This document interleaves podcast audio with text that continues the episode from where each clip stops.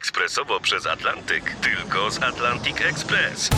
Z nami wyślesz co chcesz, kiedy chcesz, do kogo chcesz i to o 40% taniej. W Atlantic Express wysyłamy wszystko, co chcesz. 1 800 775 7363. Mienie przesiedleńcze, kontenery, paczki do Europy. Atlantic Express to 30 lat doświadczenia i o 40% niższe ceny na wysyłki kontenerów, samochodów i paczek. Ekspresowo przez Atlantyk tylko z Atlantic Express.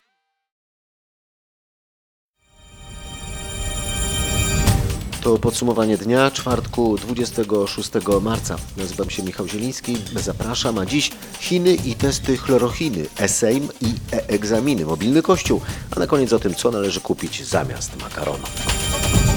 Jak codziennie ostatnio zaczynamy od bilansu epidemii.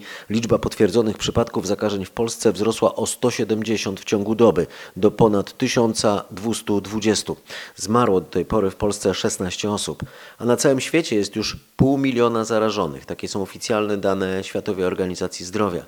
Zmarło do tej pory 25 tysięcy ludzi, najwięcej we Włoszech, w Hiszpanii, w Chinach i w Stanach Zjednoczonych. I to w Stanach Zjednoczonych teraz zdecydowanie najszybciej przybywa potwierdzonych przypadków.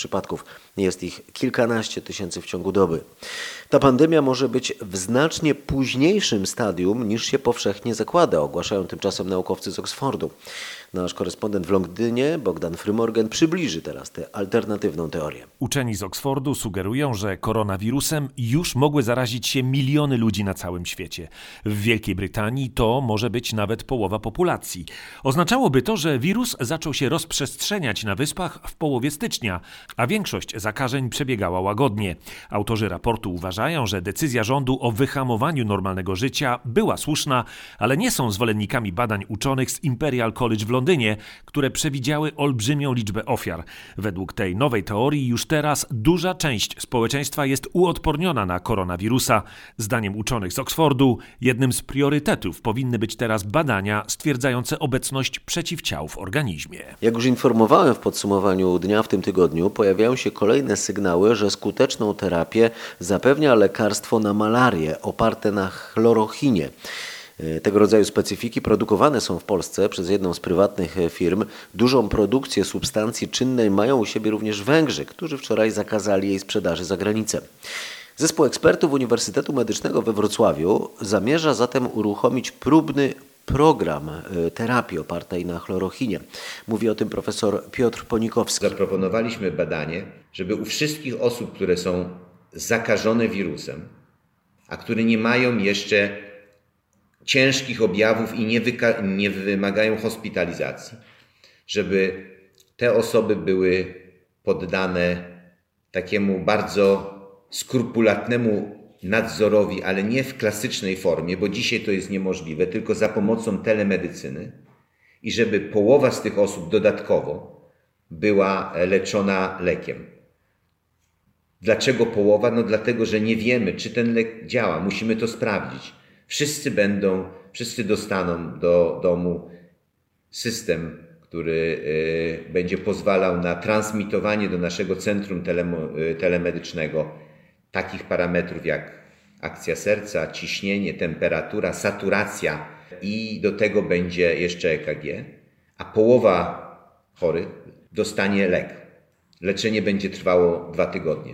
Uważamy, że leczenie aktywnym lekiem w uzupełnieniu telemedycyny zmniejszy ryzyko rozwoju zapalenia płuc, niewydolności oddechowej i tego, czego się najbardziej boimy, respiratoroterapii, konieczności leczenia w oddziale intensywnej terapii medycznej. To, co jest największym wyzwaniem w tej chwili w takich krajach jak Włochy, Hiszpania, Niemcy powoli i tego się najbardziej obawiamy. Uważamy, że to aktywne leczenie zmniejszy ryzyko o 40-50%. Teraz naukowcy mają opracować dokładną strategię e, takiego leczenia, które rozpocząć się ma za kilka dni. Nowatorską terapię e, stosuje się też w innym szpitalu we Wrocławiu. E, to szpital zakaźny przy ulicy Koszarowej. Ta terapia polega na podaniu chorym mieszanki aż 30 różnych leków o czym mówi konsultant wojewódzki do spraw chorób zakaźnych na Dolnym Śląsku Krzysztof Simon. To jest jakaś opcja, nie wiem czy najlepsza, czy gorsza, ale w każdym razie działa. Nikt z tych pacjentów, którzy przyjmują te leki, nie umarł i nie wykazuje pogorszenia. Drogie, bardzo droga terapia. Nie wiem, czy to jest idealna, ale jest jakaś. Brak decyzji, nawet gorsza, lepsza decyzja jest decyzją niż nie podawanie niczego i patrzenie, co dalej z tym wszystkim będzie. Wiem, że koledzy chcą robić różne kombinacje lekowe, każdy ma prawo wyboru, opieramy się na doświadczeniach chińskich. Koledzy w Lublinie z- usiłują zarejestrować tę terapię, choć zdania są podzielone od entuzjazmu do zupełnej negacji jako takiej, z uwagi na to, że nie są to leki ściśle szczejące się wirus, ale wbijające się w metabolizm tego wirusa w pewnych fragmentach. Sprawdzone w MERSie, SARSie, a tu jakby trochę mniej. Teraz w podsumowaniu dnia o narodzinach e-Sejmu.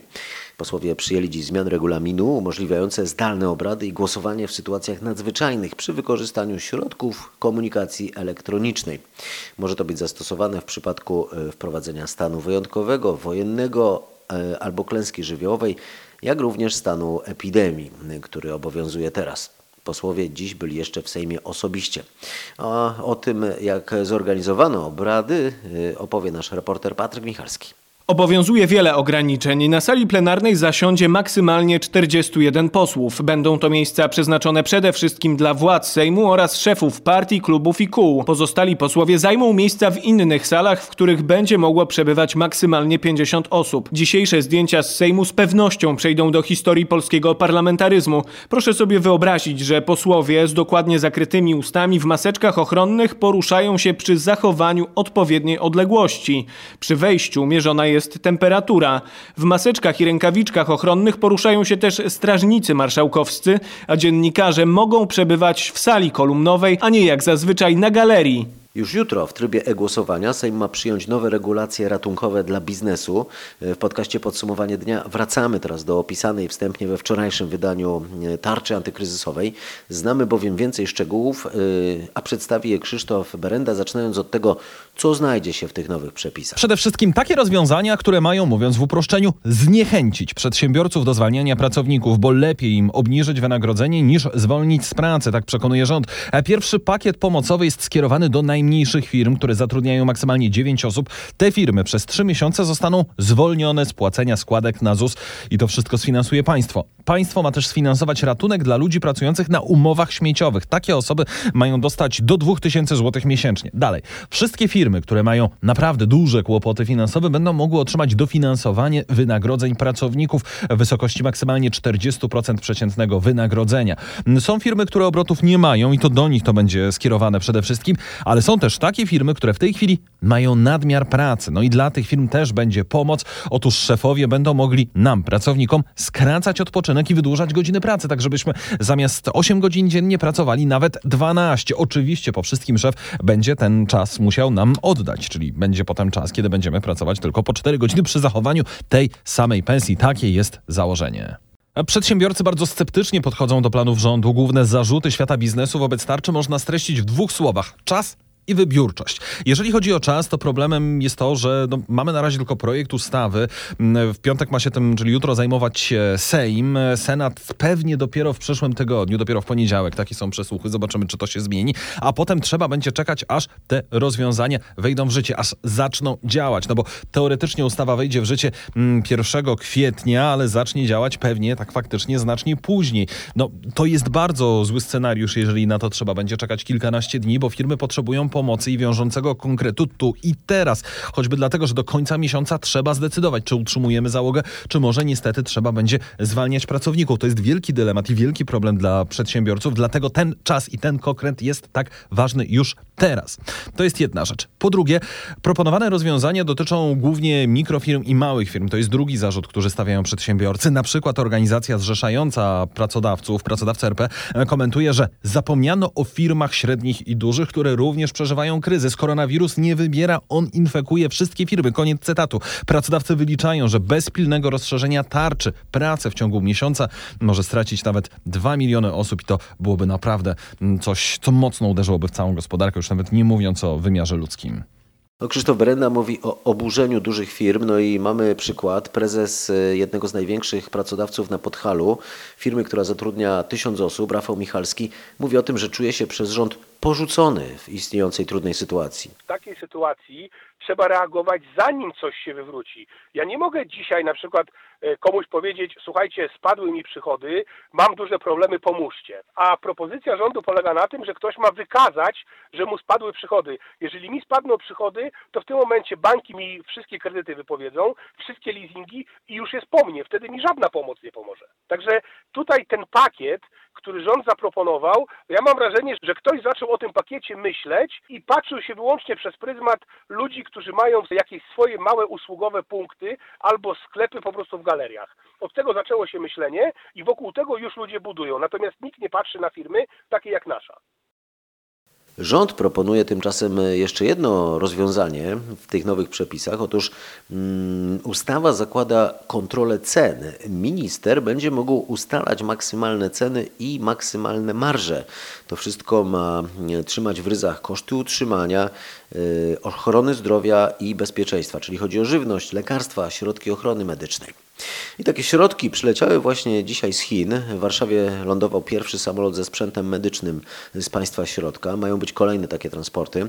Jak poinformował szef kancelarii premiera Michał Dworczyk, między Polską i Chinami utrzymywany ma być stały most powietrzny, tak by kolejne instytucje państwowe, a także samorządy i komercyjne podmioty mogły sprowadzać sprzęt niezbędny do walki z koronawirusem. Decyzje na temat dystrybucji tych środków będzie podejmowało Ministerstwo Zdrowia. Te środki wszystkie będą centralnie dzielone. Przede wszystkim tutaj e, będą brane pod uwagę potrzeby szpitali zakaźnych, jednoimiennych, ale oczywiście sprzęt będzie dystrybuowany również do innych e, placówek e, i pracowników medycznych. W pierwszym samolocie na zamówienie Agencji Rozwoju Przemysłu przyleciało 1 700 tysięcy maseczek jednorazowych, 400 tysięcy rękawiczek lateksowych, 40 tysięcy kombinezonów i 10 tysięcy gogli. Kancelaria Prezydenta powtarza, że przedwczoraj Andrzej Duda rozmawiał przez telefon o takiej pomocy z liderem Chińskiej Republiki Ludowej Xi Jinpingiem. No, tego rodzaju informacje mogą pomagać podczas kampanii urzędującemu prezydentowi. Natomiast jego głównej przeciwniczce nie pomoże raczej fakt, że wedle dwójki polityków z PiS i z PSL miała ocenić, że konstytucja jest ważniejsza od ludzkiego życia. Od północy osoby przekraczające granice w celach zarobkowych muszą iść na kwarantannę. Dla tych, którzy mieszkają w Polsce, a pracują w Niemczech czy Czechach, y, albo mieszkają za granicą, a pracują w naszym kraju, oznacza to poważne problemy. Nasza reporterka Aneta Łuczkowska rozmawiała z najbardziej zainteresowanymi. Każdy przypadek to oddzielna historia i oddzielne dylematy. Pracujący za granicą lekarze muszą wybrać, czy wracają do domu, czy zamieszkają w hotelu. Są tacy, którzy z Niemiec decydują się przenieść na najbliższe tygodnie do Polski, póki jeszcze nie obejmie ich kwarantanna. Nie każdy ma jednak możliwość przeprowadzki z dnia na dzień, jak pan Mariusz, który mieszka w Niemczech 6 kilometrów od swojej firmy w Polsce i mówi wprost. My przez to, że nie będziemy mogli dojeżdżać do pracy, będziemy musieli zwolnić e, pracowników. To będą wielkie straty. Sanepid będzie wystawiać zaświadczenia o skierowaniu na kwarantannę. Mam już jednak sygnały, że niemieccy ubezpieczyciele nie chcą ich honorować. A teraz o Polakach pracujących dalej na zachodzie, o dramatycznej sytuacji dziesiątków tysięcy polskich pracowników w Holandii. Drugi dzień informuje nasza korespondentka. Zatrudnieni przez Agencję Pracy Tymczasowej nie są odpowiednio zabezpieczeni przed koronawirusem. Takie są ustalenia Katarzyny Szymańskiej-Borginą. Zakwaterowanie, które oferują agencje pracy, to osiedla kempingowe, gdzie Polacy śpią po kilkanaście osób w jednym domku. Jak masz zachować dystans na półtora metra? Jest ciasnota. Nie ma za- zachowanych środków też y, takich y, higienicznych. Mówi mi Anna Tobi z największego holenderskiego związku zawodowego FNW. Polacy dowożeni są do pracy przepełnionymi busami, a na stanowiskach pracy brakuje podstawowych środków dezynfekujących i nie jest zachowany odpowiedni dystans fizyczny. Może dojść do katastrofy, alarmuje Związek FNW, który otrzymuje setki zgłoszeń od przerażonych Polaków i apeluje także do polskiego MSZ-u o interwencję w tej sprawie. Reportaż naszej korespondentki jest na rmf24.pl. A teraz przegląd y, zagranicznych, innych zagranicznych informacji związanych z koronawirusem. Y, W Andaluzji miejscowi zaatakowali konwój przewożący pensjonariuszy Domu Spokojnej Starości. Z takiego domu w Alcalá del Valle koło Kadyksu gdzie było sporo przypadków zarażeń, y, przewożono y, seniorów do pobliskiej La Linea de Concepción. Grupa mieszkańców tej miejscowości zatarasowała swoimi samochodami drogi wjazdowe do miasteczka i obrzuciła kamieniami wozy sanitarne. Seniorów eskortowała więc policja, a potem w nocy nieznani sprawcy rzucali w kierunku policji materiały wybuchowe ze strony budynków przyległych do domu opieki. Teraz Stany Zjednoczone, supermarket w Pensylwanii wyrzucił żywność wartą 35 tysięcy dolarów, bo celowo e, nakaszlała na ten towar jedna z klientek. E, Kobietę, która kaszlała na chleb, mięso i inne produkty zatrzymano. Właściciel sieci sklepów Joe Fasula twierdzi, że to był chory żart, a kobieta wcale nie jest zarażona. Jeszcze Szwecja. E, Cukiernia w Karlstadt ratuje miejsca pracy, oferując torty w kształcie rolki papieru toaletowego. Nie tylko cieszą się ogromnym powodzeniem, ale dostarczyły też inspiracji dla wielu innych cukierników w całej Szwecji, a nawet w Niemczech. W wariancie zaproponowanym przez cukierników z Karlstadt tort przypominający rolkę papieru toaletowego pokryty jest białym lukrem, a składa się z ciasta biszkoptowego z warstwami o smaku czekolady oraz malin. Jak wygląda można zobaczyć na rmf24.pl. W podcaście podsumowaniu dnia jeszcze będzie mowa o malinach, ale mrożonych, a teraz o odkażaniu całych miast. W Europie wzorem Chin rozpoczęły się takie działania.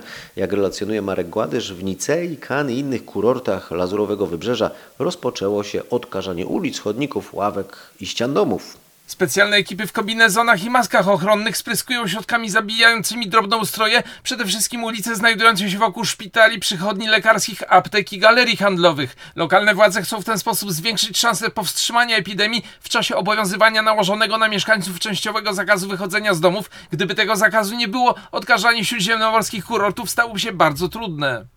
Podobne operacje lada dzień mają ruszyć w polskich miastach. Informowali dziś o tym nasi lokalni reporterzy.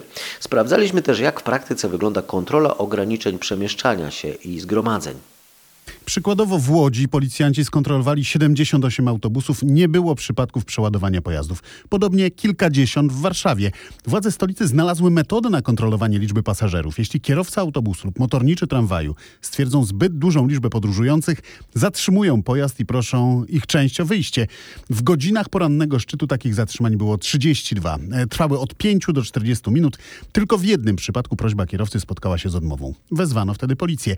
Z kolei w metrze, jak informuje miasto, liczba pasażerów zmniejszyła się siedmiokrotnie. Przed epidemią dziennie obie linie przewoziły ponad 650 tysięcy osób, teraz 80 kilka tysięcy. Krzysztof Zasada zaczął od Łodzi, no to sprawdźmy teraz, jak kierowcy i motorniczy w tym mieście kontrolują liczbę podróżujących osób. Opowie o tym nasza reporterka Magdalena Greinert.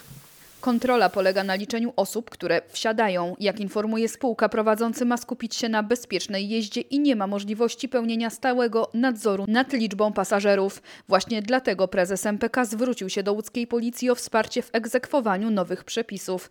Czy w praktyce miałoby to polegać na kontrolowaniu przez policję liczby pasażerów, wyjaśnia komisarz Marcin Fiedukowicz z Komendy Miejskiej Policji w Łodzi. Kierujący autobusem czy też tramwajem jest przedstawicielem e, przedsiębiorstwa transportowego i to na tej e, osobie spoczywa troska o zapewnienie bezpieczeństwa pasażerów i podjęcie reakcji, gdy dojdzie do przekroczenia przepisów prawa. Łódzkie MPK do soboty chce wyposażyć wszystkie pojazdy w naklejki z informacją, ile osób maksymalnie może z nich korzystać. Kierowcy mają zgłaszać zbyt dużą liczbę pasażerów dyspozytorowi. Na razie nie ma planów wyłączenia z użytku foteli, z których pasażerowie nie powinni korzystać.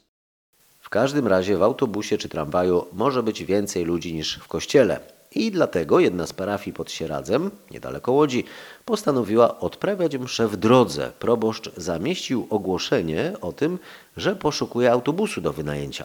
Nie chcę być złośliwy, ale gdyby tak odprawić mszę w supermarkecie, mogłoby uczestniczyć w niej nawet półsetki wiernych. Mam nadzieję, że po pandemii zostanie w nas więcej wrażliwości i uważności dla siebie nawzajem, mówi brat Szymon Janowski z zakonu kapucynów. Ocenia na naszej antenie, że z dnia na dzień znaleźliśmy się w świecie, którego wcześniej nie znaliśmy. Co będzie, to trudno powiedzieć. Myślę, że na pewno nas to wszystko zmieni. W jaki sposób, nie wiem.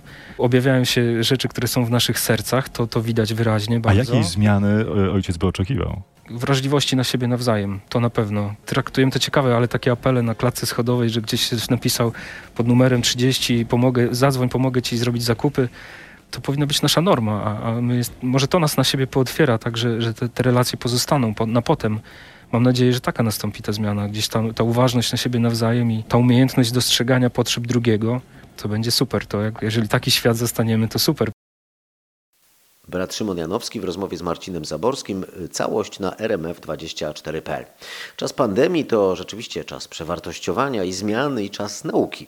I teraz w podsumowaniu dnia Czas na naukę. Kilka milionów uczniów i drugie tyle rodziców ma za sobą drugi dzień nauki zdalnej. Od środy nauczyciele mają realizować podstawę programową i muszą wystawiać oceny. Centralna Komisja Edukacyjna podała też szczegóły dotyczące próbnych egzaminów dla ośmioklasistów i maturzystów. Coś zmieniło się w szkołach? Jak będą wyglądać egzaminy próbne? W czwartek nie było już ogólnopolskiej awarii elektronicznych dzienników, choć część uczniów wciąż miała problemy z dostępem do zadań, które przesyłali nauczyciele. Centralna Komisja Egzaminacyjna zapowiedziała, że próbne egzaminy będą miały formę samodzielnej pracy w domu. Uczniowie będą musieli ściągnąć arkusze z zadaniami ze stron CKE i odesłać je potem nauczycielom. O osoby, które nie mają dostępu do komputera, mają zadbać dyrektorzy szkół. Wiemy, że to rozwiązanie awaryjne, mówi szef CKE Marcin Smolik. Wiemy, że są takie dzieci, e, które dostępu do internetu nie mają, a dobrze by było, aby mogły również w tym egzaminie uczestniczyć, jeżeli szkoła podejmie decyzję, że taki egzamin chce przeprowadzić. I podkreśla, że udział w obu egzaminach jest dobrowolny. Nasz dziennikarz Grzegorz Kwolek zajmował się też e, dziś innym tematem, chociaż nie bardzo odległym, też chodzi o pisanie i też na ocenę. Otóż naukowcy ze Szkoły Głównej Handlowej Uniwersytetu Mikołaja Kopernika w Toruniu ogłosili konkurs na pamiętniki opowiadające o życiu codziennym w czasach koronawirusa. Jakie są zasady tego konkursu? Naukowcy proszą, żeby na kilku, kilkunastu stronach relacji opisać, jak zmieniło się Wasze życie w czasie pandemii, jak wygląda praca, warunki finansowe i mieszkaniowe. Chcą wiedzieć, jak radzi sobie Wasza rodzina i jak wygląda życie codzienne. Ważne, żeby relacje były szczere, podkreśla socjolog Arkadiusz Karwacki. Zapiski mogą przybrać dowolną formę pamiętnika, bloga czy relacji, ewentualnie uzupełnione o materiały graficzne. Pracę trzeba przesłać do końca czerwca. Elton John organizuje specjalny charytatywny koncert. Gwiazdy muzyki wystąpią w swoich domach, a wszystko w hołdzie służbie zdrowia. Katarzyna Sobiechowska-Szuchta z redakcji kulturalnej opowie teraz, kogo legendarny muzyk zaprosił do współpracy. To Billie Eilish, Alicia Keys, Mariah Carey czy Backstreet Boys, między innymi. Koncert ma trwać godzinę, będzie w niedzielę wieczorem, bez reklam, a jego tytuł oznacza tyle, co inicjatywa prosto z dużego pokoju. Bo gwiazdy będą grać u siebie i będą łączyć się z widzami i słuchaczami dzięki telefonom komórkowym czy kamerom online. Elton John znany jest ze swoich akcji charytatywnych, tym razem postanowił wesprzeć tych, którzy są na pierwszej linii frontu w walce z koronawirusem. Lekarzy, pielęgniarki, służbę zdrowia. Było trochę dla ducha i dla umysłu, to jeszcze coś dla żołądka. W czasach zarazy to ważne, bo odpowiednia dieta może wzmóc odporność. Jak to zrobić? Oto Michał Dobrowicz pytał profesor Iwonę Wawer. Immunolodzy z Warszawskiego Uniwersytetu Medycznego apelują, żeby skorzystać z diety roślinnej, jeść owoce i warzywa. Mają oczywiście rację, ale proszę Państwa, mamy przednówek. Nie ma świeżych owoców i warzyw, a więc co zrobić? Ja trochę jestem zaskoczona tym, że ludzie wykupują makaron, bo moim zdaniem powinni wykupywać mrożonki, bo co mamy w tej chwili? Mamy fantastyczną obfitość zamrożonych owoców, warzyw. Przez mrożenie utrata witamin jest minimalna. Mamy owoce zamrożone, mrożone truskawki, borówkę, maliny.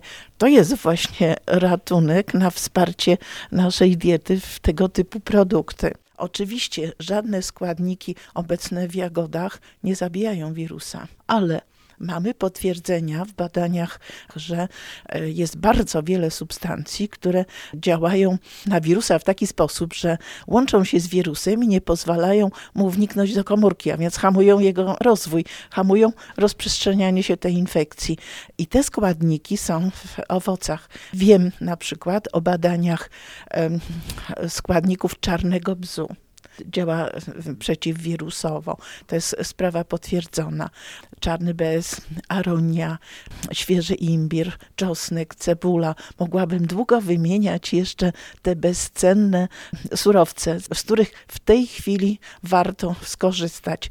Nie musimy czekać, aż one przypłyną z ciepłych krajów. Mamy je tu na miejscu. My teraz często robimy zakupy dla naszych dziadków, sąsiadów. Co powinno się znaleźć w takich zakupach spożywczych? Proszę kupić im takie rzeczy jak czosnek, cebula. Apelowałabym o stosowanie witaminy D, bo przecież siedzimy w mieszkaniu. Dużo mówi się o tym, że w grupie największego ryzyka zakażenia koronawirusem są seniorzy. Jak powinna ich dieta teraz wyglądać?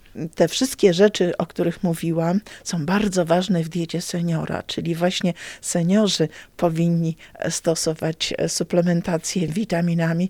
Właśnie taka dieta bogata e, w owoce dla nich byłaby fantastyczna. Zresztą oni bardzo chętnie e, jedzą i wspominają e, na przykład, że stosowali sok z czarnego bzu albo sok z malin. Na szczęście, że tak powiem, nie poleciliście jeszcze wszystkim znajomym podcastu Podsumowanie Dnia.